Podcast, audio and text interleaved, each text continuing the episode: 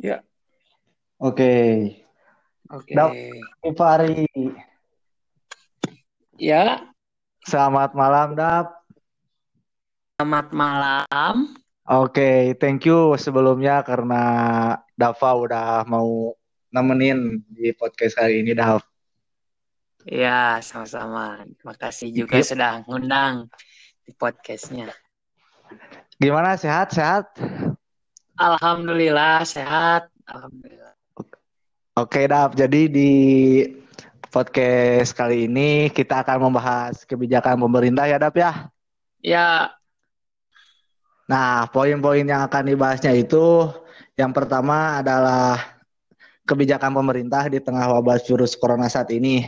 Karena kan kita ambil poin yang pertama itu karena sekarang kebijakan pemerintah sedang diuji betul-betul sih Dap, menurut Rehan mah gitu ya.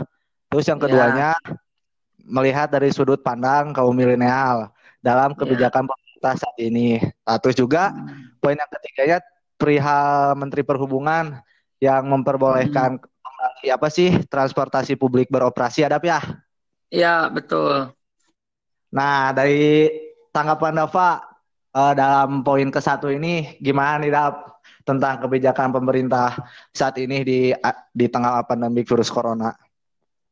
Ya, jadi di tengah wabah COVID-19 ini ada pro dan kontra juga ya dari masyarakat. Ya, Terus Betul betul. Uh-uh. Yang pertama itu perbedaan pulang kampung dan mudik. Nah, ini cukup ramai juga ya perbincangan pulang kampung dan mudik.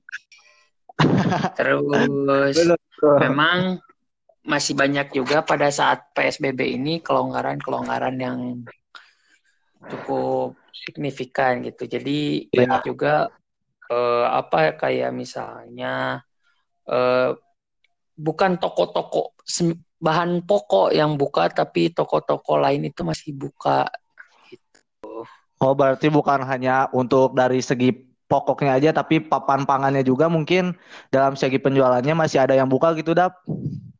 Betul jadi di beberapa wilayah ya tidak salah satu wilayah saja Iya. bahkan se Indonesia pun sama masih ada kebijakan-kebijakan pemerintah yang sangat-sangat simpang siur juga dengan Ya betul. peraturan perundang-undangan ya begitu terkadang bukan terkadang sih ya saat ini eh, kebijakan dari pemerintah daerah terus pemerintah pusat itu masih tidak sejalan ya Dap ya. ya jadi masih simpang siur lah ya istilahnya Iya. Kenapa itu Dap? Menurut Dapa eh, terjadinya simpang siur itu jadi kurangnya komunikasikah antara pemerintah daerah dengan pemerintah pusat ataukah memang dalam segi kulturnya itu berbeda-beda Dap? Kalau menurut aku sih ya gimana ya. Jadi kulturnya itu yang berbeda-beda. Jadi misalnya pemerintah pusat memberikan kebijakan ini, nah itu tidak sampai di pemerintah daerah masing-masing itu. Jadi kebijakan pusat tuh kadang juga masih berseberangan dengan kebijakan pusat. Gitu. Pemerintah daerah ya Dap. Oh iya Hmm. betul. Nah, Dap, di tengah pandemi virus corona ini kan sudah muncul ya keputusan-keputusan kebijakan-kebijakan dari pemerintah Mm-mm. pusat dari social distancing sampai sekarang PSBB. Nah, kita ngebahas tentang PSBB saat ini lah ya. Nah, PSBB saat ini gitu khususnya di daerah Bandung Raya karena kita Iya. kan mendominisi domisilinya di Bandung Raya ya. Gimana Iya. tuh Dap? Menurut Dapa PSBB di Bandung Raya? Ya, jadi kan saya suka bolak-balik ya dari Sumedang ke Ya. Bandung, Bandung Sumedang juga. Nah, ya. Nah, ini Tuh, Dap. juga cukup eh, masih longgar ya di perbatasan. Sayangnya di saya katakan di perbatasan Sumedang itu Jatinangor masih agak longgar. Karena apa? Biasa Hmm. banyak eh, petugas yang berlalai-lalaian ke mana-mana dan sampai akhirnya mereka pada lolos semua masuk ke wilayah tersebut. Terus apalagi di Bandung kota ya, di pusat kota itu sangat Ya. ramai sekali waktu saya keluar keliling ya nggak keliling lah istilahnya beli takjil lah ya di dalam Ya. kota sendiri pun waduh masih ramai masih padat kendaraan ini dan masih banyak juga pelanggaran-pelanggaran yang banyak dilanggar oleh orang-orang contohnya seperti apa uh, tidak menggunakan sarung tangan, masker ya masih bandel-bandel, tidak yeah. social distancing terus sama apa uh, boncengan juga masih ada yang tidak sealamat gitu, tidak sektp. Jadi ya ini juga cukup pro dan kontra. Terus apalagi yang rame ini apa uh, boncengan suami istri ya katanya. Iya gitu. Jadi muncul konspirasi. Iya. Mm-mm. Betul, betul. Mm. Muncul konspirasi ada ya antara kebijakan pemerintah dengan apa yang diharapkan oleh masyarakat. Betul. Nah, ada uh, bicara ya kembali lagi PSBB. Nah, itu mm dalam menanggulangi PSBB sendiri uh, yang dapat ketahui gitu di daerah Bandung Raya itu apabila sudah mengetahui misalkan masih ada pelanggaran-pelanggaran yang terjadi di, di dalamnya, langkah berikutnya itu seperti apa? Ya, sudah gimana? langkah berikutnya uh, uh, kebijakan PSBB ini masih banyak yang langgar gitu? Hmm, ya sebenarnya kalau di menurut aku sih kurang ini apa kurang sosialisasinya. Jadi jadi oh. sosialisasinya tuh biasanya banyaknya lebih di kalangan atas. Jadi tidak sampai ke bawah gitu sosialisasinya oh, tuh kadang orang yang sosial media lah via yeah. apa ininya tapi sedangkan yang di bawah itu di masyarakat sendiri pun masih kurang gitu kalau menurut aku sih sebaiknya ya eh, yang di atas tuh kasih tahu gitu sama yang di bawah tuh oh bawah ini tuh PSBB tuh harus seperti ini seperti ini jadi jangan sampai benar-benar dilanggar gitu. Berarti masih masih ini tapi ya antara uh, pemerintah dengan rakyat itu masih mungkin dapat dikatakan kurang koordinator mungkin Darpi ya. Ya, betul. Masih kurang ada koordinasi antara satu sama lainnya gitu. Nah, satu, ya betul. Terus dap uh, perihal kebijakan pemerintah yang kata dapat tadi menimbulkan pro dan kontra nih ya. Nah, di sini hmm. itu uh, dari pemerintah sendiri itu bagaimana tanggapannya uh, yang sekarang misalkan muncul dari masyarakat kalau misalkan saya nggak keluar saya nggak akan makan dong sama aja saya juga bunuh diri kalau misalkan nggak makan mah sama jadi sama sama sama sama bohong lah kena corona iya hmm. atau enggak mati kelaparan iya nah gimana itu dap iya nah kan ini yang lagi ramai ini tahu nggak apa eh, sembako nah ini nih sembako nah nih. itu perihal ba bantuan sosial nih iya bansos ya jadi sebenarnya ya. sembako ini ada yang benar tepat sasarannya dan ada juga yang salah.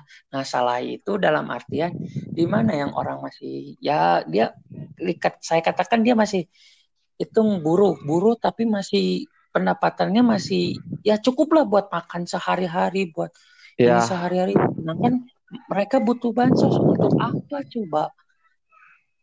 Gitu. Berarti kalau uh, bansos ban, bansos sendiri itu bukan untuk semua kalangan masyarakat berarti ya untuk uh, apa masyarakat Betul. tertentu mungkin dap ya hmm, jadi ya, ya. gubernur itu ada ya gubernur Jawa Barat juga terus yang gubernur DKI dan beberapa kepala daerah lainnya itu uh, sudah ada tipe-tipenya ya untuk sembako yang mana ya. yang perlu dibagikan, ya. yang mana yang tidak perlu dulu gitu.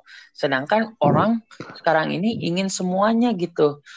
Kenapa harus dikasih iya. kategori A, B, C, D dan seterusnya gitu? Kenapa nggak sama ratakan saja?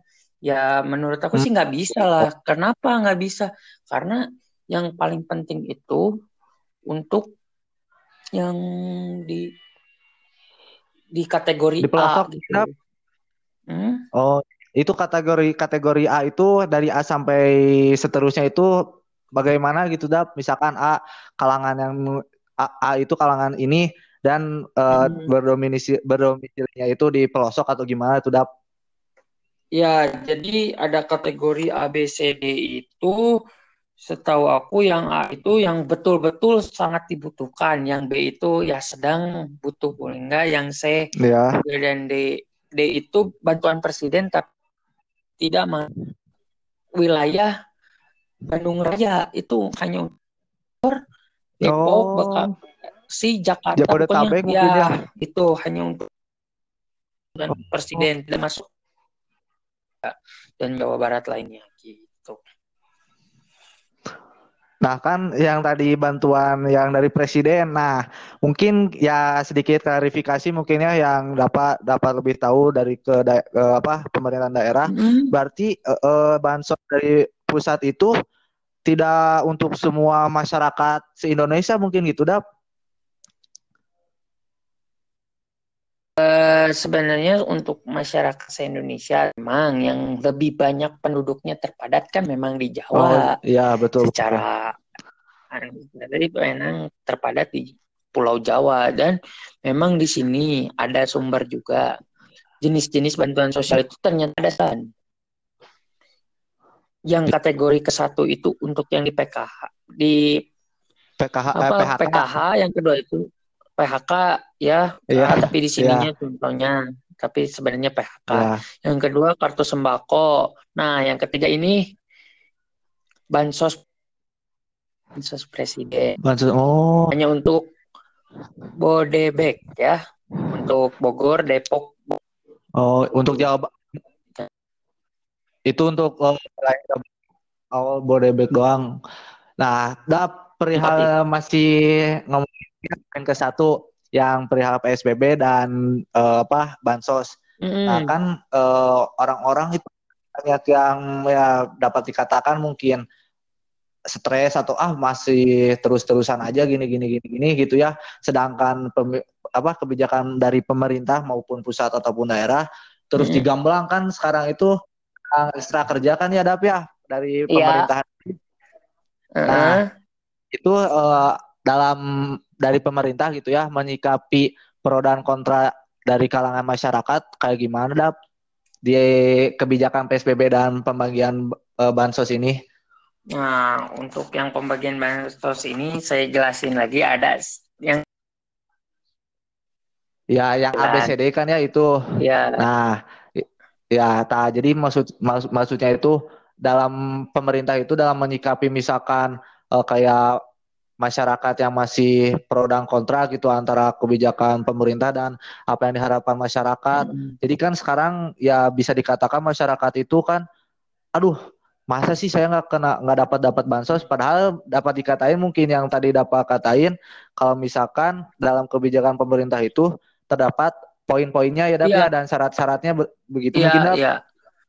Oh, jadi di sini tuh memang itu yang saya bilang ada sembilan itu nah kadang juga orang nggak pikirin yeah. itu kenapa kok saya nggak kebagian sedangkan orang itu masih mampu lah buat iya. sembako yeah. juga buat ini kenapa kita harus bantu yeah. semua gitu betul betul jadi uh, kan dapat disimpulin lah tapi ya kalau corona ini uh, kerumunan lah maksudnya kerumunan ini banyak menyerangnya itu ke hal-hal kerumunan berarti ya, ya. Betul. Nah, kan sekarang masih banyak nilai ya orang-orang yang berkerumunan yang tadi juga dapat katain misalkan di perbatasan Bandung Sumedang di Jatinangor Cileunyi hmm. masih ada aja gitu yang lolos masuknya terus di kota Bandung pada saat dapat apa dapat keliling mencari takjil masih rame-rame ya. gitu ya. Nah, kebijakan pemerintah dalam melihat hal itu itu hal seperti itu tuh bagaimana gitu dak dalam langkah ke depannya? Ya sebenarnya kemarin-kemarin ya evaluasi-evaluasi yang disampaikan oleh para ya. pemimpin ya para pimpinan terus ya. juga si kelonggaran-kelonggaran. Ini masih longgar lah saya bilang. Iya. Masih iya masih bukan. Betul betul. Ya kalau mau dan sekalian mending lockdown. itu masih itu tapi ya. presiden RI bilang ya. jangan lockdown. Mendingan apa? Ya coba PSBB pembatasan sosial PSBB besar ini, iya. tapi ternyata tidak sesuai dengan yang diharapkan. Tapi malah kenyataannya di lapangan ya sama-sama aja gitu, masih kayak aktivitas-aktivitas biasanya gitu. Nah, bicara itu lockdown kan ya yang tadi dikatain juga di awal kalau misalkan kebijakan pemerintah daerah sama kebijakan pemerintah pusat itu masih simpang siur. Hmm. Kan yang saya tahu gitu hmm. Dap ya, Gubernur Jawa Barat itu sebelum diadainnya kebijakan PSBB ini pengennya mah lockdown kan ya, tapi ya. Nah, untuk daerah-daerah misalkan kita ambil ambil contoh kasusnya di Sumedang. Ya. Nah, di Sumedang itu kayak gimana kebijakan dari khusus lah ini mah dari Sumedangnya itu pengen kayak gimana? Nah, kepingin dari pemerintah ya dari kalau di Sumedang sendiri pingin tidak ada yang mudik, tidak ada yang pulang kampung, tapi kan mereka tuh misalnya dari Jakarta kan ya mereka kasihan, mereka kan kerja nggak ada iya. penghasilan, nggak ada ini, tapi mereka pun juga bingung ya harus bagaimana kalau hidup di sana ya mungkin mahal atau bagaimana. Kalau ada kerjaan masih mending lah masih ya aku masih bisa membiayai lah diri aku tapi sedang sama keluarga tapi sedangkan kalau di daerah orang lain mereka mau gimana gitu kasihan juga. Jadi mereka akhirnya memutuskan untuk pulang ke daerah mereka gitu ke Sumedang gitu. Nah itu sedikit pembahasan di poin pertama ya, ya Dap ya. Nah kita uh, lanjut ke poin kedua sebagai kita lah di sini sebagai kaum milenial ya. gitu sudut pandang dari dari kaum milenial itu bagaimana dengan adanya kebijakan pemerintah PSBB, saat ya. ini? Untuk PSBB di kaum Ya, dari PSBB. Mulai dari Ya. Mulai dari ini dap dari social distancing sampai diadakannya PSBB. Ah, dari social distancing. Ya. Bobogohan atau berpacu mungkin aduh ketemuan berat ya sama dap ya banget ya buat anak muda mah pasti masalah aduh aku nggak bisa ketemu nggak bisa jalan malam nggak bisa ini nggak bisa ngedit nggak bisa apalah oke terus? Ya nah ini lucunya milenial itu klub PSBB itu apa uh, aduh masa kita bucin tapi gue duduk di belakang sih? Masa ada? Supir dan bos gitu. Lucu kadang-kadang yeah. tuh bikin ini oh, betul betul. Tapi kadang juga ya gimana ya maksudnya? Kan namanya kan social physical distancing atau social distancing itu kan benar-benar ya maksudnya itu benar-benar untuk yeah. tidak boleh melakukan kegiatan apa pun. Jangankan ini kita juga karena jangankan sama orang lain sama keluarga sendiri pun bingung mau salam seperti yeah, apa. betul betul. Mus, oh, betul, betul, betul, betul. seperti yang dianjurkan oleh pemerintah atau musalam betul-betul salam yang kontak fisik. Masa sama keluarga seperti biasa ya ya?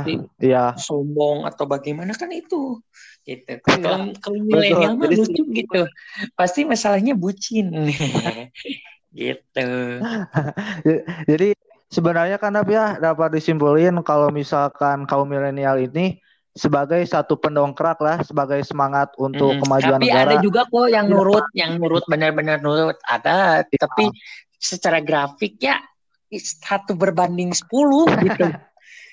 Kebalik. Iya gitu. betul, betul betul. Betul. Tapi kalau yang nurut memang maksudnya Wah. yang nurut itu kadang ada juga memang yang nurut ada, tapi ya karena dia mungkin ya. anaknya di rumah atau memang aktivitas dia punya baca hobinya masak gitu atau itu mereka sangat turut. Tapi kalau yang sering jalan-jalan, ngopi dan sebagainya kan beda lagi gitu, lain cerita gitu. Iya, betul. betul.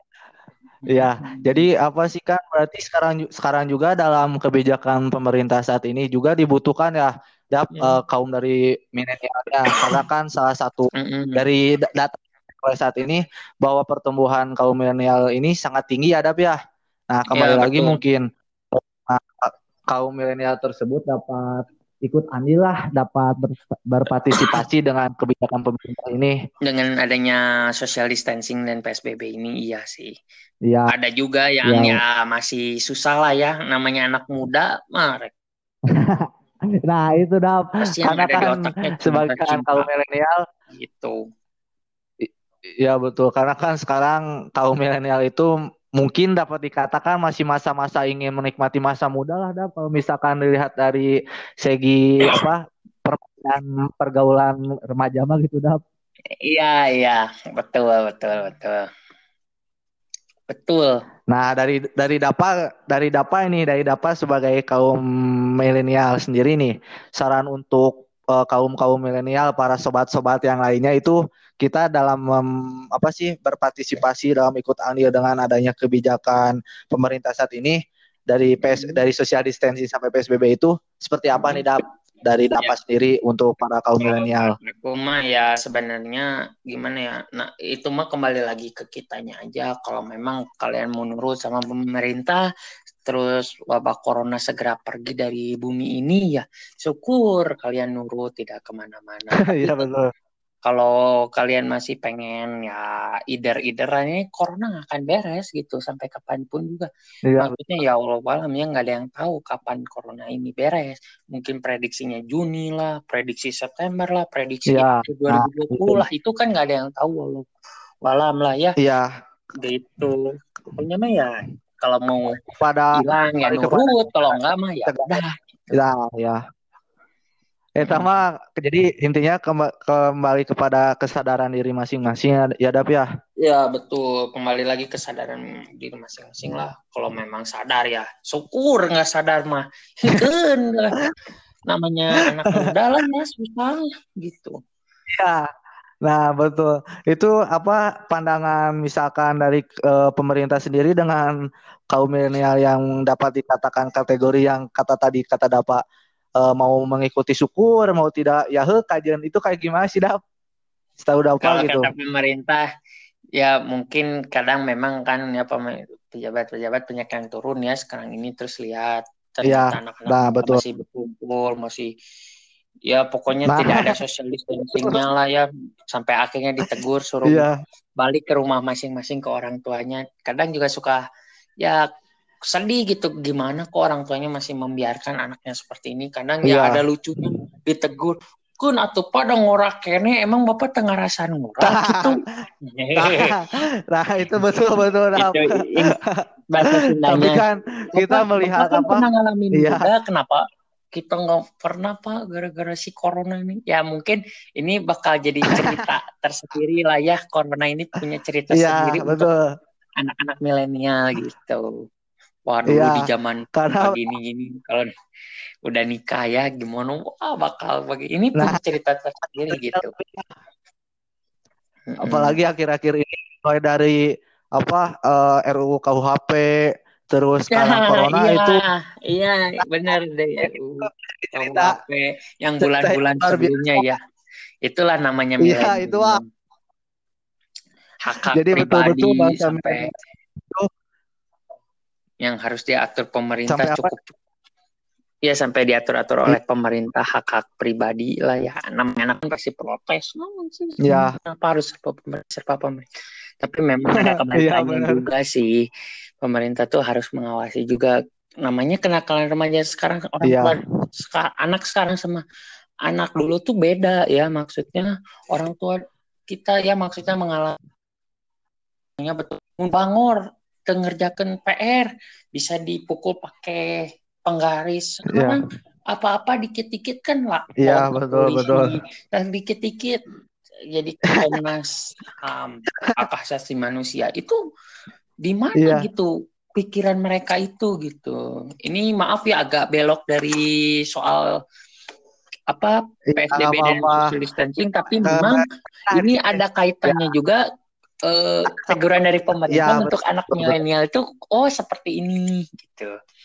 Terus yang kemarin ramai ya, gitu, betul, betul, betul. pranknya, prank apa? Prank prank itu sembako yang isinya sampah. Nah, itu dari salah satu itu ya, jangan disebut ya. Kita jangan sebut nama orangnya iya. dan memang itu emang betul-betul sangat etikanya di mana gitu. Wah riskan itu. Ya memang iya betul itu. Dalam pandemi seperti ini, terus dia ngeprank gitu. Itu salah satu youtuber ya, nggak tahu saya tidak mau sebut namanya, tapi memang itu otaknya gitu.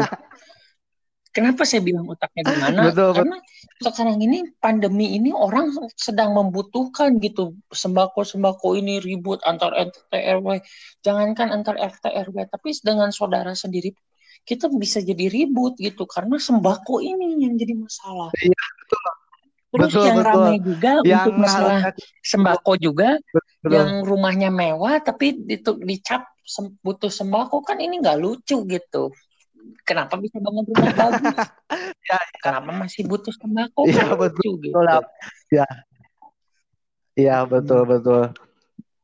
Jadi Dap, ya yang tadi bilang perihal sembako itu karena kan sekarang itu mungkin lagi simpang siurnya kebijakan pemerintah Hmm, lagi mm-mm. ekstra kerjanya tetapi ada ada kasarnya mah ada cak-cak bodas yang masuk gitulah ya yang merusak Iya. ini kebijakan ini Iya, ya namanya anak muda. Saya Yang- bilang namanya anak milenial seperti itu.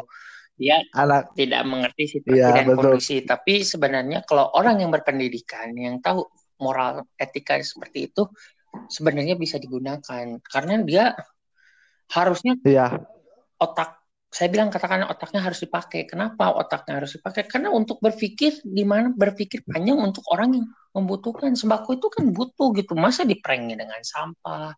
iya Ini kan sangat prihatin gitu. Astagfirullah. Makanya polisi turun Oh, tangan ya. memang itu betul. Ya mudah-mudahan eh, penjara ini ya cukup berat gitu ya buat dia. Jangan saya bilang jangan setahun dua Iya. tahun lah memang katanya dengar-dengar vonis 12 tahun. Ya udah lakukan aja 12 tahun. Waduh. cukup rame itu yang si orang itu tuh tapi ya kita balik lagi tapi Iya, memang ngepranknya memang gak Sama lah. akal gitu masuk Jadi apa konten konten media konten media itu demi mendapatkan sesuatu yang dia inginkan itu sama dia itu dimasukkan ke dalam hal-hal seperti ini jadi mencari kesempatan dalam kesempitan ya, Ya, ya? betul kesempatan dan kesempitan itu makanya yang jadi masalah tuh ah bisanya pada saat pandemi gitu ya kalau biasa-biasa kayak kita nggak kegiatan, ya oke lah ya maksudnya mau bantu tapi ngeprank oke lah masih. Ini ini tapi kan di dalam pandemi, pandemi terus orang pun sedang membutuhkan sembako dan itu memang RT RW pun sedang bingung mendatanya termasuk camat mulai dari betul. paling bawah. RT sehingga presiden itu tugas berat itu untuk mendata siapa yang layak dapat sembako dan kategori Sembako. apa gitu yang mendapatkan sembako itu yang sudah dijelaskan oleh gubernur gitu ada sembilan pintu kecuali yang nomor tiga itu tadi apa Iya. yang Bogor Iya, Depok, yang dari bantuan presiden ya, ya? bantuan presiden itu tidak sampai ke seluruh Indonesia dan seluruh Jawa Barat. Ternyata hanya Ya. yang ibu Oh. kota dan beberapa saja itu bantuan presiden. Tapi yang penduduknya sudah dikatakan padat Ya, mungkin padat. Dap, ya dan tingkat pertambahan positifnya Hmm. itu bertambah juga. hmm, apalagi kan Jakarta itu ibu kota, terus Bogor, Jadi- Depok, Bekasi ini kan berdekatan Iya. dengan ibu kota, jadi itu yang perlu perhatian khusus. Iya, betul, betul. Mereka ya, ya daerah-daerah itulah yang butuh perhatian khusus. Ah. Jadi itu. Jadi dapat disimpulin gitu ya Dap ya di poin kedua pembahasan sudut pandang milenial itu bagaimana cara kita sebagai kaum milenial ini ikut andil dan berpartisipasi di dalam kebijakan pemerintah Ya. serta juga kita juga bisa merangkul masyarakat-masyarakat lain lah sehingga sejalan dengan pemikiran pemerintah Mm-mm. sehingga wabah ini tuh bisa cepat selesai Hmm. bukan malah dijadikan sebuah hal-hal mencari kesempatan dalam kesempitan Betul. mungkin seperti itu Iya ya, ya. betul. Betul betul. Nah, Dap, Hmm. lanjut nih Dap ke poin pembahasan yang Oke. ketiga perihal Menteri Perhubungan. Nah, ini ini ini rame banget nih Dap. Perihal Menteri Perhubungan mengizinkan transportasi publik beroperasi Nah. kembali. Nah, di sini kan udah dikatain PSBB itu kata dapat tadi masih longgar, tetapi di sini juga antara kelonggaran sama larangan itu masih simpang Ya, siur ya ya. Nah, gimana nih Dap dengan adanya kebijakan ini nih Dap? Ya cukup aneh aja gitu ya. Kita semua sangat terkejut ya. Pertama Bapak Presiden melarang bahwa mudik dan pulang kampung itu tidak bolehkan ya. Terus juga yang rame ini Iya. Terus kebijakan dari Bapak Menteri Perhubungan, Bapak Budi Karya itu bilang bahwa transportasi itu boleh beroperasi kembali. Nah, mau bagaimana cara pengurangan PSBB ini gitu? Bagaimana cara pengurangan di mana kita Iya, itu betul. Tidak ya lama-lama semakin banyak orang banyak semakin banyak juga yang mudik gitu. Kan nggak lucu juga gitu. Sedang PSBB tapi Iya. sedang pembatasan. Namanya kan pembatasan sosial berskala besar. Tapi skala besar ya, gitu. betul. tapi sedangkan transportasi umum diaktifkan kembali. Nah ini yang jadi masalah. Tapi orang berserbu Iya. serbu ke Jadi, sana gitu. Jadi masalahnya itu masalahnya itu yang anehnya itu yang dapat menimbulkan konfliknya itu Menhub izinkan semua moda transportasi kembali beroperasi, tapi mudik tetap dilarang ya, ya? Nah, ini nih jadi cukup ramai gitu ya pembahasan dua ini. Ini kebijakannya seperti apa gitu. Mungkin Menhub baru sembuh dari COVID-19, ya. mungkin agak bagaimana gitu ya atau Bapak Presiden juga bilang seperti ini mungkin masih miskomunikasi lah ya antara Bapak Presiden dengan Bapak Menhub. Iya, mungkin tapi tadi juga iya. ramai juga dari juga kepala ya. dari ketua Satgas COVID-19 ya Bapak Letjen TNI Doni Monardo, beliau bilang jam 2 bahwa larangan mudik itu betul-betul ditegaskan beliau dikutipannya saya tegaskan kembali bahwa mudik dan pulang kampung itu benar-benar dan betul-betul dilarang. Itu kutipan dari Eh, oh. Ketua Satgas COVID-19 Republik Indonesia. Ketua Satgas COVID. Mm, Pak Letjen Doni Monardo bilang seperti itu. Ba ya. tidak boleh. Berarti masih ya, ya, masih kurangnya koordinasi antara setiap pemerintahan ya, ya betul masih berser, berser apa berseberangan antara Bapak Presiden, ya. Bapak Menhub dan ketua Satgas COVID-19 ini. Tapi Bapak ketua COVID-19 ini cukup ya saya bilang katakan tegas lah dan Bapak Presiden sampaikan kepada Bapak Ketua Satgas COVID ya tolong dipertegas kembali Pak bahwa mudik dan pulang kampung itu iya. dibolehkan ya. gitu.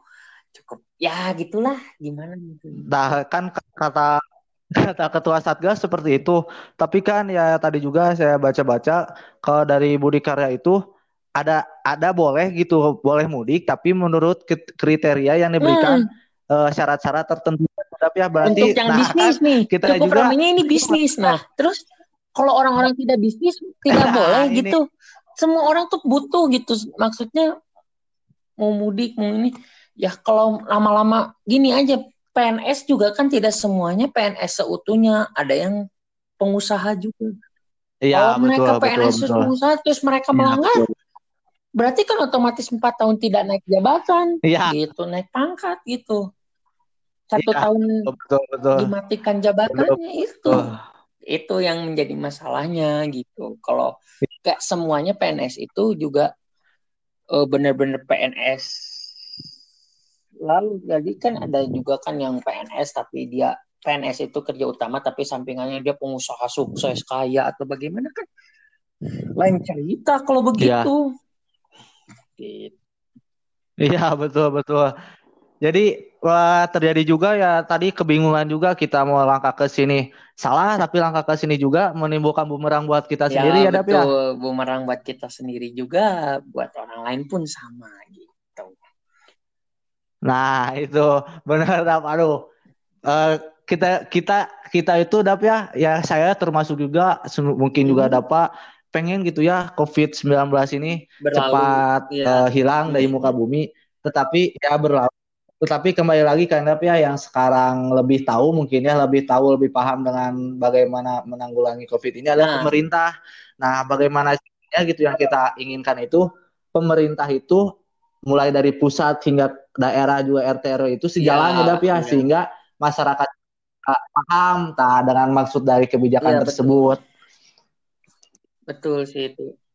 Nah, ada tapi tapi uh, sekarang itu ya dari uh, ke apa pemerintah daerah lah kita ngomongin pemerintah daerah dengan uh, apa munculnya ini apa pro dan kontra Menteri Perhubungan memperbolehkan transportasi kembali beroperasi itu kayak gimana dap? Sedangkan sekarang PSBB kan di daerah itu khususnya di daerah-daerah Bandung Raya kan sedang ditekankan untuk tidak beroperasi ya, kan dap? Betul.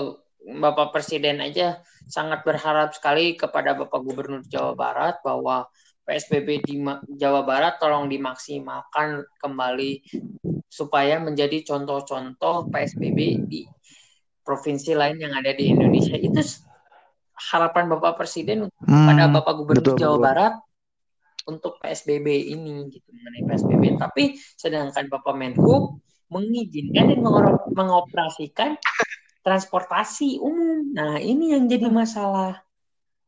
Mungkin berseberangan gitu. Mungkin enggak mungkin gitu ya yang saya pikirkan gitu dari uh, pikiran Menhub sendiri kalau misalkan dia melarang transportasinya dinonaktifkan betul-betul mungkin dia juga mungkin mikir gitu ya gimana nih uh, misalkan kerjaan gua atau misalkan pekerjaan masyarakat yang kerja di luar mungkin salah satunya itu mungkin apa apa jadi diperbolehkan transportasi tapi dengan berbagai syarat tetapi juga di iya. dalamnya itu muncul pro dan kontra kan dengan pemerintahan daerah sampai ke pusat. Yeah. Nah, jadi itu tanggapan masyarakat sendiri gitulah ya, khususnya dari kaum milenial dengan adanya kebijakan Menhub sekarang, mm. terus dengan kebijakan pemerintah saat itu kan berseberangan. Nah, bagaimana tanggapan dari DAPA sendiri dengan uh, apa simpang siurnya kebijakan pemerintah dengan Menhub, Menhub ya pemerintah daerah dengan Menhub ini? Ya, jadi ya simpang siur ini juga terus tadi juga rame ya saya lihat di berita yang dengan DPR terus DPR juga sangat iya. setuju dengannya Menhub. Nah, ini ada apa ini DPR setuju dengan Menhub ini? Pertanyaan besar. Kok DPR yang setuju-setuju aja dengan Menhub? Ada apa ini? Curiga ada main ini. Kan kita tidak boleh seujun ya. Saya kembali lagi nah, saya tidak boleh seujun dengan kita DPR. DPR kan adalah ya. yang mewakili seluruh rakyat ya. Indonesia di mana pun juga kita harus ya, mendukung betul. ya DPR akan seperti apa terus pemerintah akan seperti apa tapi ini DPR setuju dengan kebijakan Menhub ini otaknya di mana gitu di mana rasa empati ya, dia betul. gitu bahwa PSBB ini katanya ingin berjalan ya. dengan baik dengan lancar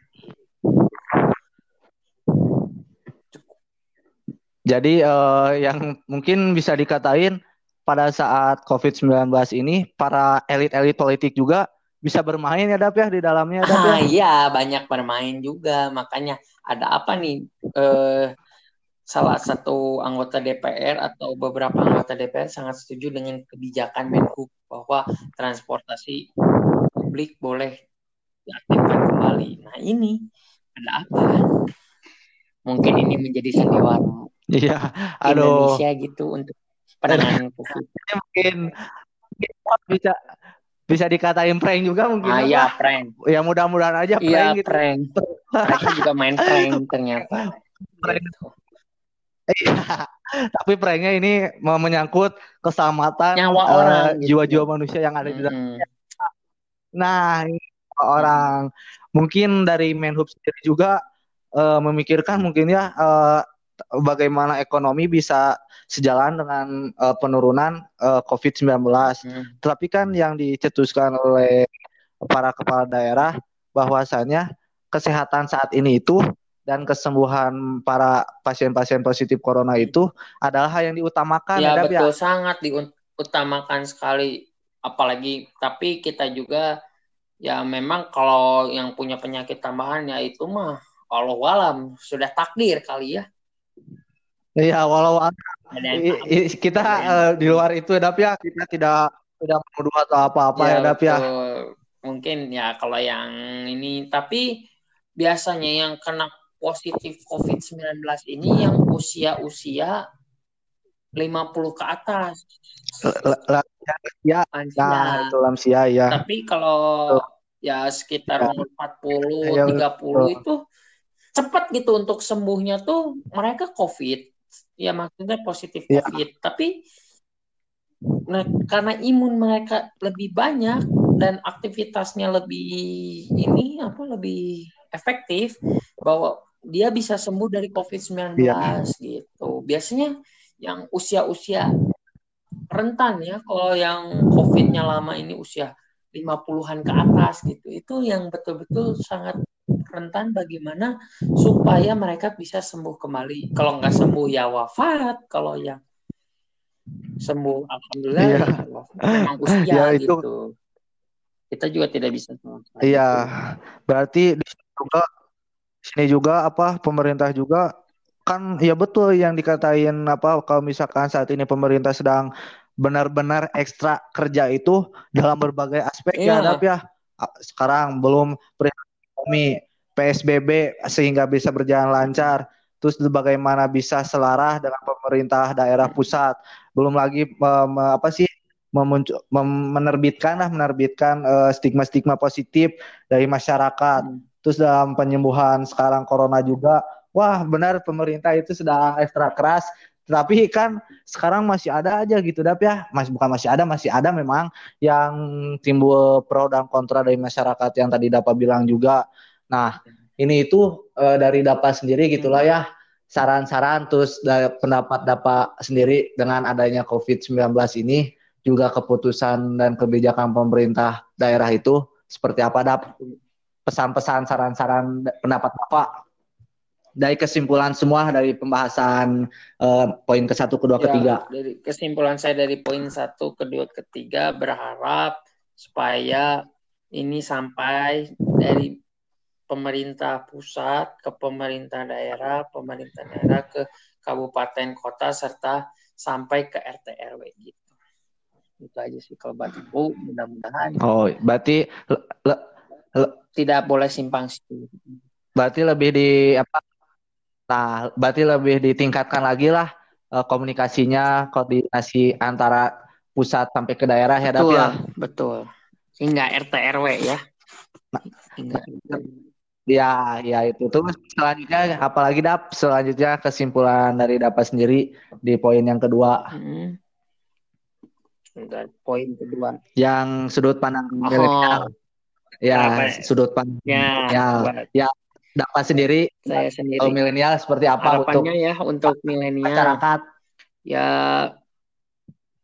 kita cukup memang ujian cukup berat ya anak-anak milenial saya juga sama masih milenial ya, ya. Betul. kita usia-usia generasi ya, Z betul, ya betul, ya. maksudnya milenial itu kan yang 30 ya, kita masih generasi betul. Z dan generasi Z juga ya. masih pikirannya main ini ya sekarang mah ditahan-tahan dulu lah untuk benar-benar social distancing. Boleh kita berkumpul, tapi ya yang sewajarnya berkumpul juga jangan lebih dari lima orang. Lima orang pun juga itu termasuk saudara atau saudara kandung gitu. Jadi jangan orang luar atau pacarnya ya. atau siapanya, sahabatnya pacar. ya. Gitu. ya. Ya buat anak-anak milenial itu pesan saya mah kinyaan ke pemerintah karena uh, peran generasi iya kita anak milenial jangan kalau kita sok mikirkan kalau kita sayang nah ya gimana? Kurang pang betul betul, ya, anak muda mah. ya cukup anak muda mah. Gimana maksudnya teh? Kan kalau emang kita sama semua bosan mulai dari orang tua anak muda semua pekerja dan lain sebagainya sama bosan di rumah aja oh, ini ini ya kalau memang kalian suka aktivitas apa pun kayak kita ini sekarang diskusi diskusi lah kalau kalian sukanya main game game nah ya. memang resep chatting nah. chatting video call atau gimana kuliah gitu nah, jadi jangan betul. apa jangan lah belum lagi ditambah gitu apalagi ya, sekarang PSBB rumah, betul, di betul. Bandung ini cukup longgar gitu. Saya katakan cukup longgar. Ya nah itu dah betul. Makanya, ya, ya betul betul. jangan... malahan uh, eh, PSBB PSBB yang di mungkin dapat dikatakan dikhususkan Bandung Raya itu dari kota Bandungnya itu malahan yang lebih aktifnya itu dari daerah-daerah uh, di luar Betul, kota Bandung ya, ya, ya di luar kota Bandung yang benar-benar mereka ingin ekstra. PSBB ini mereka 64 setengah ya 65 itu dikategorikan baiklah di tengah-tengah lah. Gak, gak jelek gak bagus tapi ya bagus. Ya. agak standar lah ya di enam setengah. Mereka ingin memaksimalkan lagi supaya nilai mereka itu tujuh ke atas gitu untuk PSBB ini. Yang kedua. Ya tapi kalau betul. untuk kota Bandung sendiri juga tadi atau kemarin yang disampaikan oleh wali kotanya eh, tidak akan PSBB diperpanjang tapi akan mengikuti aturan PSBB provinsi. Nah, pertanyaan saya sekarang kalau kita menggunakan provinsi, ya betul. Kalau provinsi itu kan menginginkan sama dengan PSBB yang sebelum-sebelumnya tidak PSBB PSBB yang ini gitu. Ya. Jadi cukup simpang juga gitu. Ya, betul. Berarti ya peran generasi milenial dalam saat ini itu sangat di apa sangat dibutuhkan ya Dap ya untuk menambah dongkrak semangat pemerintah untuk dapat lebih uh, baik lagi ke depannya karena kan kembali lagi bagaimana caranya gitu sehingga virus corona ini bisa cepat selesai. Nah, sekarang ini kan dari uh, kaum milenial itu yang dapat dikatakan masa masa-masa remaja hmm. mungkin bisa lebih tahu lah ya ke depannya itu kita tuh udah punya seperti apa, seperti apa gitu. kalau misalkan pandangan kita sekarang hmm. masih nah betul jadi kita juga untuk saat ini juga lihat ke depannya dap ya sehingga pada saat nanti kita sudah tidak termasuk hmm. kaum milenial kita bisa uh, mengajak kaum milenial yang akan datang itu serta ikut andil di dalam kebijakan-kebijakan pemerintah ya, yang dikeluarkan ya, ya. ya mulai ngaran lagi milenial mah baru dak inilah maksudnya resep kene ya. ulin resep kene ya mereka masih mementingkan kepentingan pribadi gitu. Iya betul. Temu nafik kami kita temu nafik dah abi kira resep kene ulin tidak. Kayaknya temu nafik ya jujur ya saya kira resep gitu keluar kene ya. Nah, emang kumaha deui gitu ya maksudnya gimana lagi juga namanya anak muda mana iya. pasti ada no, di mana kala bosan di mana iya. kala juga ya sedih gitu ya itulah namanya anak muda nggak bisa ya. sepenuhnya anak muda diam di rumah tanpa kegiatan bosan boring memang boring nah ya betul. boring memang boring tapi udah mau gimana lagi memang aturannya seperti itu ini bukan lagi tapi kumaha deui dapnya dengan da ayeuna anu dirasain sama uh, kita itu para kaum milenial bukan hanya oleh kita tetapi oleh semua kalangan semua, umur ya mau ya. tua mau muda mau ini mereka hampir semua itu kehilangan ya. aktivitas mereka ya. apa yang mereka tidak mengetahui bakatkan dan yang mereka betul mereka ini iya betul gitu. betul betul ya ini mah anggap saja ujian kita perang ya, tapi betul. mana musuhnya gitu musuhnya tuh masuknya diam-diam perang tidak ya, terlihat ya ada ya jadi gimana gitu melawan iya betul, betul. Gitu. tapi kita insya Allah bersama-sama juga bisalah melawan COVID-19 ini dengan tekad yang kuat terus amin juga. amin amin betul dengan betul ya, milenialnya juga harus mendukung gitu ya kalau yang tua-tua aja mendukung apalagi yang milenial harus mendukung apalagi kita sebagai generasi Z juga tentu ikut adil dalam pe, apa penyerangan COVID-19 ini gitu perlawanan bagaimana supaya ya, COVID-19 ini pergi dari betul. dunia ini gitu. Nah, itu betul. Nah, itu kesimpulan poin ke satu, terus uh, uh, tambahan penjelasan dan kesimpulan di poin kedua. Nah, poin ketiga yang lagi ramai ini dari dapat sendiri seperti apa hidup dengan adanya keputusan Menteri Perhubungan nah, saat ini?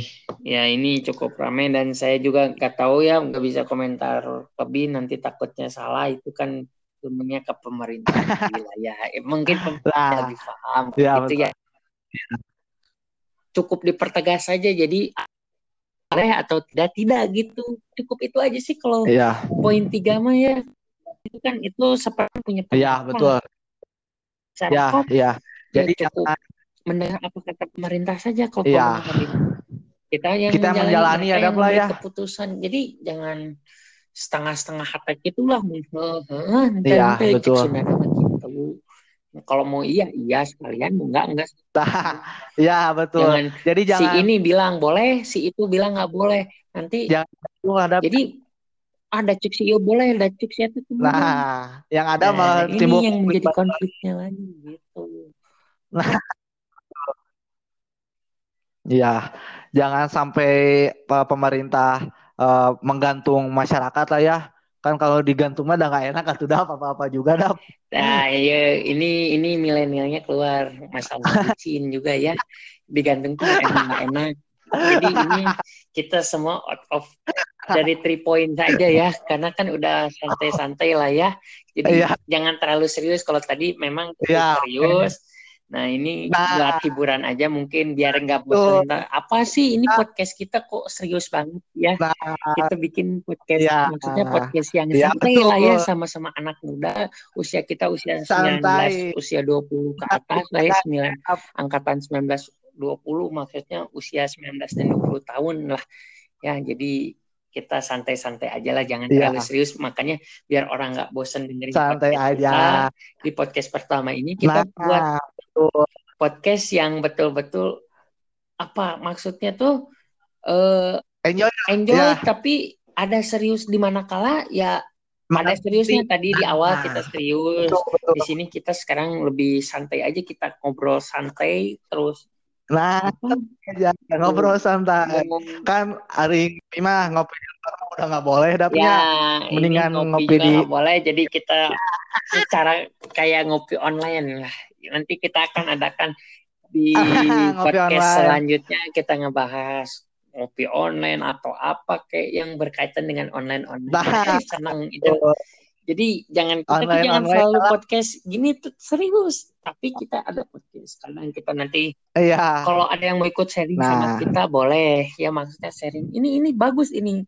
Kamu Nah, ngajak oke. saya untuk podcast Sama-sama. ini ini Ya. bagus. Ini buat saya ini bagus. Kenapa saya bilang bagus? Karena pertama ini serius, yang kedua kita bisa heri gitu, santai santai lah namanya usia 19 itu Iya, betul. jangan terlalu serius makanya Iya. kita bikin podcast yang betul-betul podcastnya lebih gaul gitu anak mudaan lah gitu boleh katakan Nah, us- ya, pembicaraan betul. serius tapi di sini kita boleh juga lebih muda gitu maksudnya jangan terlalu serius Iya. kasihan nanti yang dengar bosan jadi ya akhirnya di sesi ini Ah, yang tadi ya intinya seperti itu tiga poin tadi sudah saya sampaikan dan sekarang di akhir-akhir ini ya kita lebih santai lah bro gitu jadi lebih eh, santai lah ya, santai Lebih- lah. Jadi jadi ada- takutnya orang kan tuh pahit-pahit- dengerin podcast kita tuh bosen gitu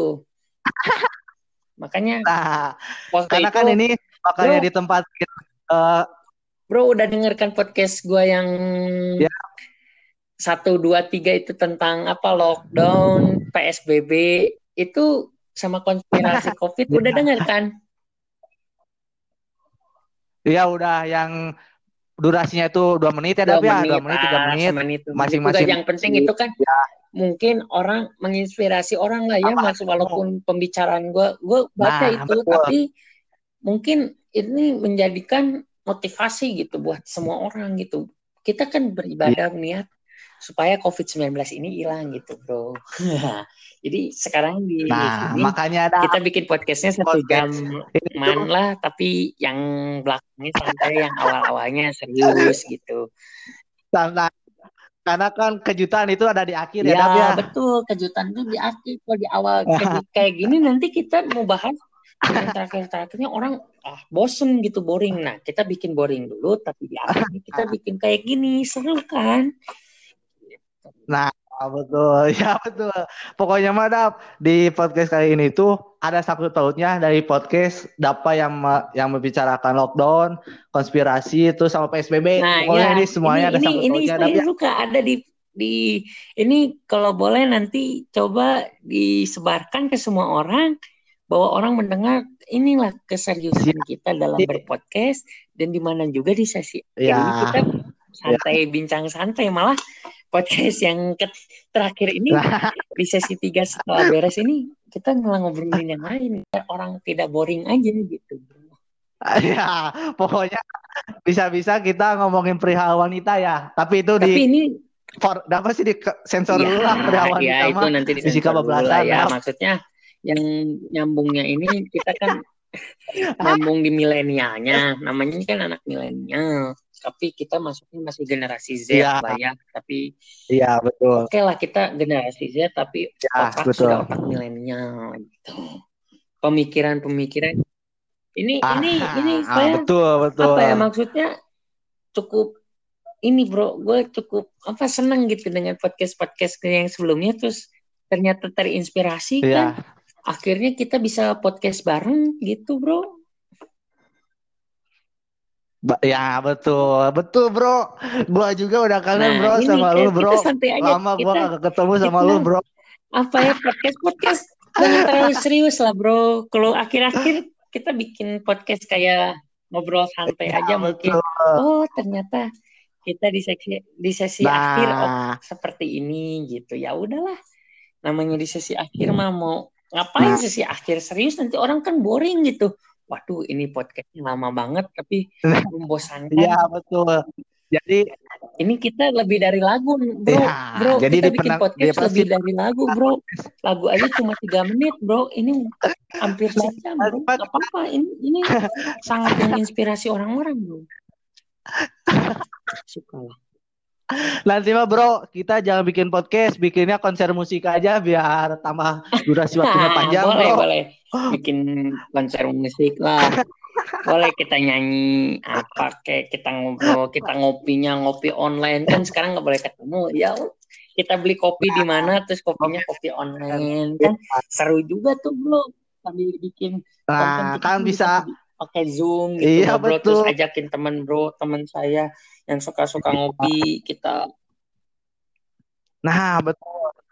Kita kita buat eh, Mm-mm. nanti ke depannya ya Dap ya. Pokoknya mah pokoknya mah buat para pendengar podcast kali ini pasti nanti bakal ada yang gua ajak diskusi bareng baik itu lewat media podcast yang gua sekarang ini lakuin ataupun di di Google zoom Meeting Iya, ataupun di Zoom ya Dap ya. Jadi jangan podcast nanti kan orang kayak boring. Oh, pas kok dengerin Iya. doang. Kok gua nggak bisa diajak diskusi. Nah, kita nanti selanjutnya kita Nah, bikin betul. diskusi, diskusi lah ya, diskusi-diskusi kecil ini yang benar-benar bermanfaat, tapi untuk milenial juga gitu, bermanfaat tapi eh apa berbobot, Iya. bermanfaat dan terakhirnya malah kita ngobrol santai aja. Anggap aja kita emang di awal serius, Enjoy. setelah di tengah serius dan di akhirnya di setelah statement akhir baru kita bikin apa lebih santai, lebih relax, lebih enjoy lah ya. Biar Nah, pendengar karena kan nggak pusing. kita Nah, iya cuci otak. kita Betul. Nah, jadi ini tuh recehan kita berdua guys buat yang ngedengerin.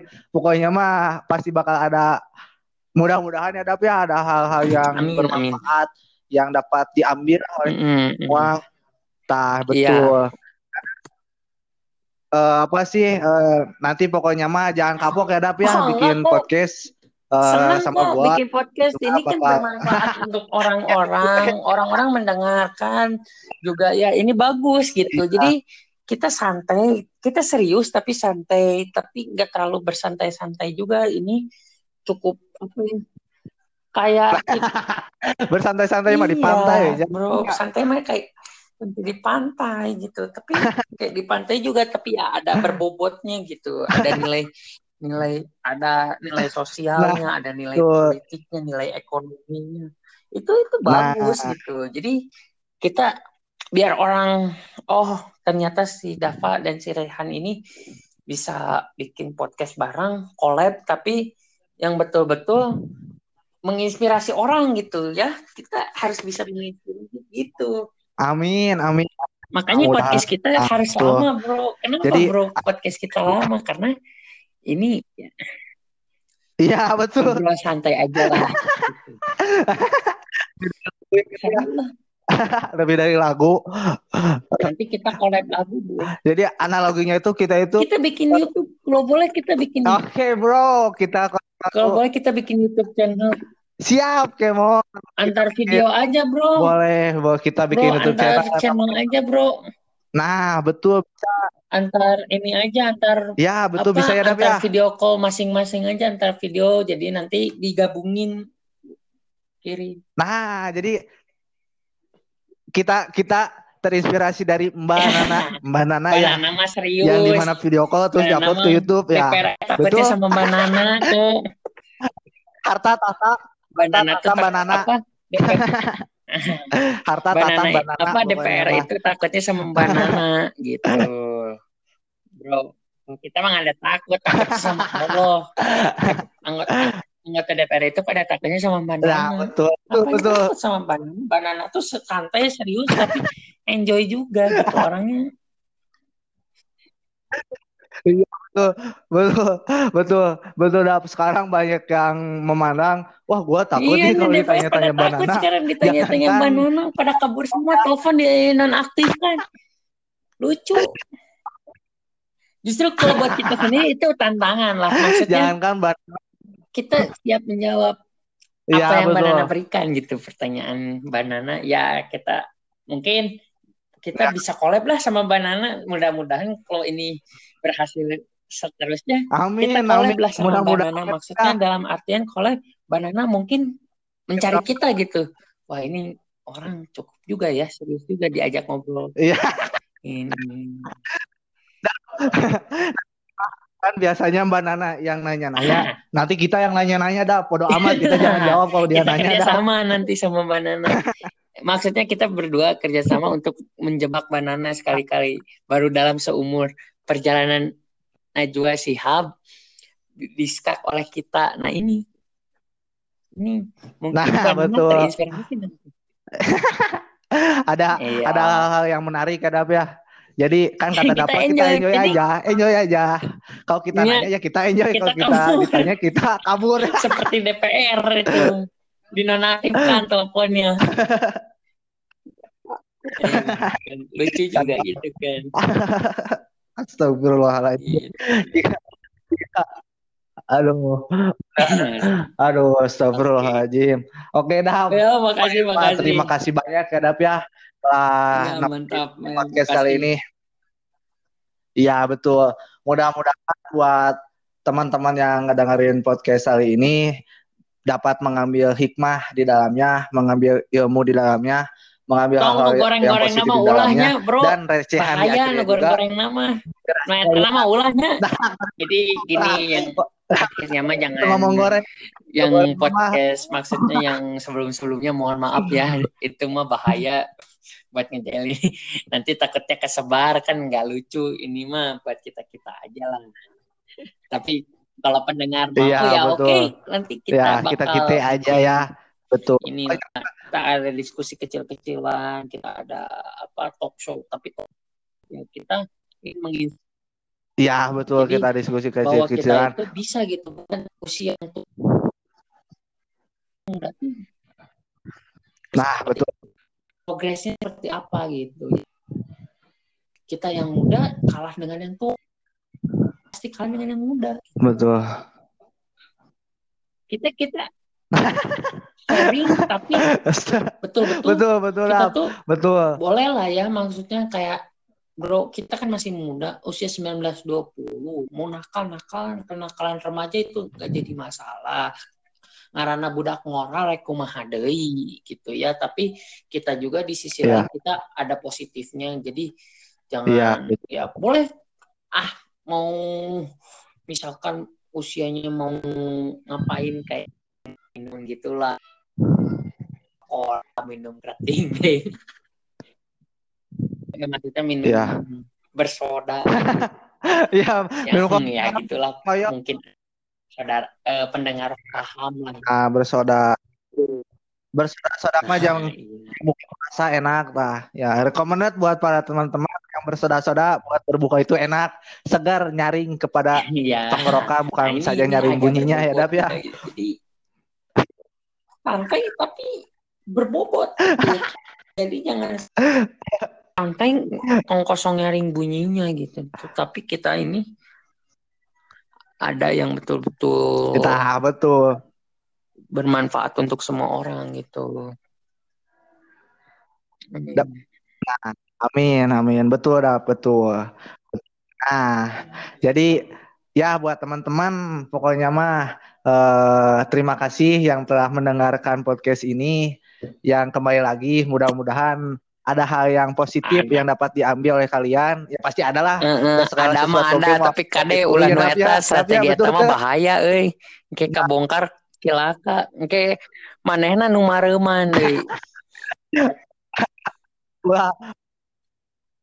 Ya, pokoknya nama nu negatif nama jadiin buat Iya, introspeksi diri iya. ke depannya lah. Jujur gitu ya, ya. sama, saya ge bangor bangor. Sarua da ngaranna bu- budak ngoraman nu bangor bangor. Iya, betul. Budak betul karena budak ngorama Iya. pasti ayah waktuna ya dapnya daripada ayana misalkan naon eh, mendingan bangor tapi Iya, sukses betul, daripada sukses tapi betul, bangor ya dapnya Mendingan Bangor mah di, diiringi oleh apa berjalannya waktu lah ya.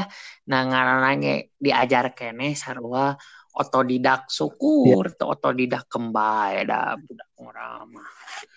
Banyak kan sekarang ustadz-ustadz milenial kan nah dari pernyataan kata salah satu itu ustadz juga tenanaun ngan nanaonan gitu.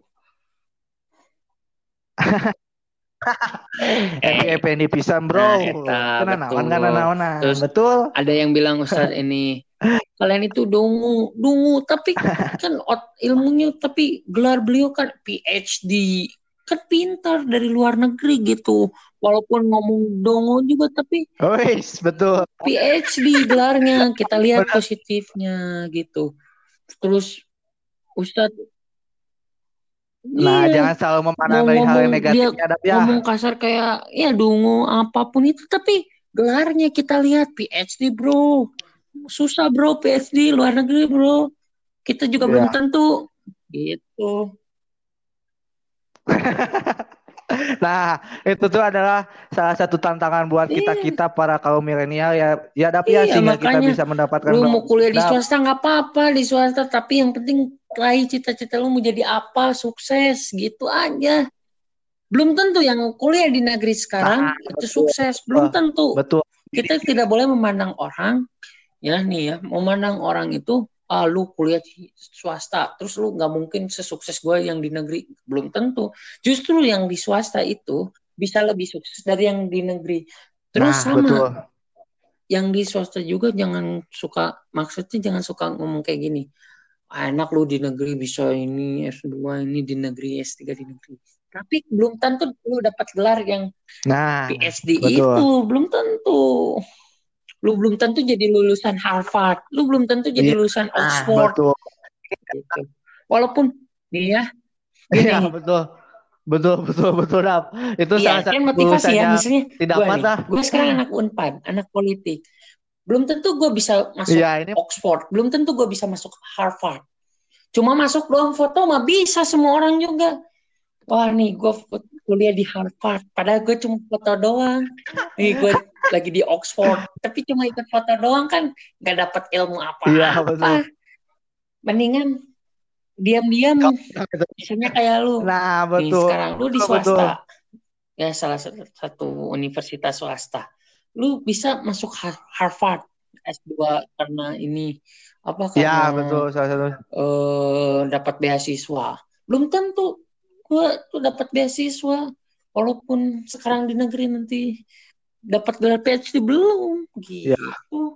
Tapi ya berharap kita semua kan mendapatkan ilmu yang bermanfaat Jadi, gitu, Bro. Gak semua amin. Ya, betul. Karena belajar itu belajar itu tidak hanya di negeri atau swasta, bukan juga hanya di dalam kelas, Iya. tapi di luar itu pun kita juga Justru dapat belajar ya, tuh- Dap ya. dapat Nah, ilmu tuh betul, benar. karena kita kan suka nanya sama orang tua kita. Dulu gimana sih zamannya bapak atau zamannya ibu?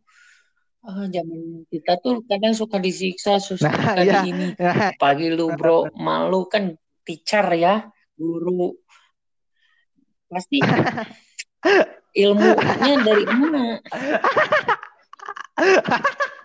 Aduh, Iya, anjir. itu itu Betul, jadi betul, motivasi loh. Betul. Walaupun belum tentu nih ya, emak gue sekarang Iya, pejabat, benar, bapak gue benar. pejabat. Contoh, contoh bro, belum tentu ilmunya dapat ilmu dari Iya. guru bro. Ya, slow, Bro, Guru slow. itu kan digugu dan ditiru. Ada itu di film. Iya, benar. Guru itu digugu dan Iya, betul. Iya, itu kan semua Nyambung ke filmnya. gitu. Jadi Iya, kita tuh betul, ngomongin betul. kayak gini tuh belak-belakan tapi nyambungnya ke mana? Ke mana ilmu tuh pasti mel- lebar meluas Iya. lebar gitu. Mau bagaimanapun juga. Walaupun Iya, betul, betul. suara gue kayak gini nanti di podcast dulu, aduh merusak gini ini podcastnya. Suara gue kecil. Kagak bangsat. Ya kagak lah. Eh, tidak memandang suara, jangankan suara eh, apa eh, pergaulan juga Nah, tidak memandang apalagi suara, Bro. Itu yang gue Gue juga gini. Gue juga suara masih Iya. gini. Nah, ini selalu aja lah. Selalu Iya. aja suara mah nomor sekian lah. Yang penting mah pendapatan Iya. cewek sesuai dengan nih, hati gua, udah bro. gua collab ini. Lama-lama nanti kita collab apa lagi? Kita bisa sharing, kita bisa Oh, kita kalau Iya, ini kalau ini kita, kita bisa diskusi loh, Bro. Kalau ini kita ngopi sambil diskusi loh, boleh. Kalau ada waktu kita ngopi. Ayo siap, boleh, boleh juga. Wah, Nanti setelah beres corona ya bro ya. Makanya buat kita itu harus bisa menyikapi diri dalam adanya virus corona ya bro ya. Biar Mhm. nanti sudah beres kita ngopi Gitu. bareng semuanya. Jadi ya kita ini nggak akan silaturahmi cuma sama ya kita bakal terus terus panjang kita komunikasi terus. Jadi jangan sampai Iya. putus lah kalau silaturahmi. Kapan pun di mana pun dengan Iya, siapa pun. betul. Ya, Nih, silaturahmi itu juga ya, Nah, tolong betul, betul bro. juga Nah, ya pendengar semua ya di podcast kali ini juga kita memang kita buat Nah. podcast ini tuh apa ya mengulur-ngulur waktu dan akhirnya kita jadikan gitu ya bro ya. nah betul, betul, betul. Jadi seperti analoginya kita itu mendekati cewek, tarik ulur dulu, tapi pada saat Nah, waktu yang tepat kita kita, tembak bro. langsung ya bro ya. Nah kan jadi Iya, jadi kan nyambungna ke AWW da kumaha deui da. Iya, Ayeuna mah namanya da keur butuh nyambung. AWW sebenarnya mah bro, aya abi mah curhat da geus ah. Ya, tenang. Iya, aduh jadi kan Nah, nah, nah, keceplosan ya sudahlah. Eta mah bonus Mm-mm. bonus para pendengar. pendengar mau komen apa kita mah kita terbuka so kalau mau komen apa ini silakan eh bisa email kita lah masing-masing atau bisa apa Nah, iya kita kalau DM misalkan Kami di IG di DM menerima ya ya, kritikan kok. biar saran dan mas kalau mau bahkan kritikan kami terima lah. namanya apalagi kan kita anak muda. Anak muda kan iya bukan betul. berarti tadi betul. saya gak menyindir anak muda bukan. Nah itu mah sama-sama. Sarua ada bangor orang ge. Da sarua budak muda Iya, tapi itu adalah suatu pengalaman. pelajaran ya, Dap, ya. pengalaman gak nah, apa-apa. betul. Tenan naon tenan naonan gitu Karena guru yang Iya. pengalaman. Nah, betul. makanya ya Itu udah semuanya juga kan apa kalau main ya bergaul dengan siapa pun dengan orang apa pun itu baru yang pengalaman yang lebih gitu ini ada bagusnya kita bikin podcast podcast kayak gini ya betul. Nah, Iya, nanti mah kita selanjutnya bersama teman-teman yang Boleh. lainnya kita juga diskusi bareng nggak Dap ya. Karena diskusi itu bukan hanya di podcast, tetapi juga di HP, ya kan HP. HP dalam berbagai media. Oke, Oke. tadi terputus ya karena kita Ya. lama juga ya podcast.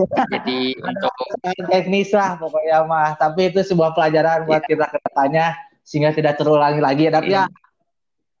ya ya pengalaman lah ya namanya juga. Ya. Jadi untuk Betul. terakhir ini saya untuk mengingatkan kembali ke kepada apa kaum milenial Ya, kita selalu berpikir positif kapan pun di mana pun dan bagaimanapun caranya itu terserah kalian yang terpenting memikirkan hal-hal yang positif yang betul-betul di mana pun apa kalian pun harus memikirkan masa depan kalian. Jangan buatlah betul. bangga orang tua kalian gitu. Jadi jangan sampai kita apa membuat orang tua kita sedih ya. Kita harus Ya, membuat betul, orang tua betul. kita bangga. Mereka membiayakan kita pendidikan itu cukup mahal dan cukup besar gitu. Dan cukup mahal juga ya untuk biaya.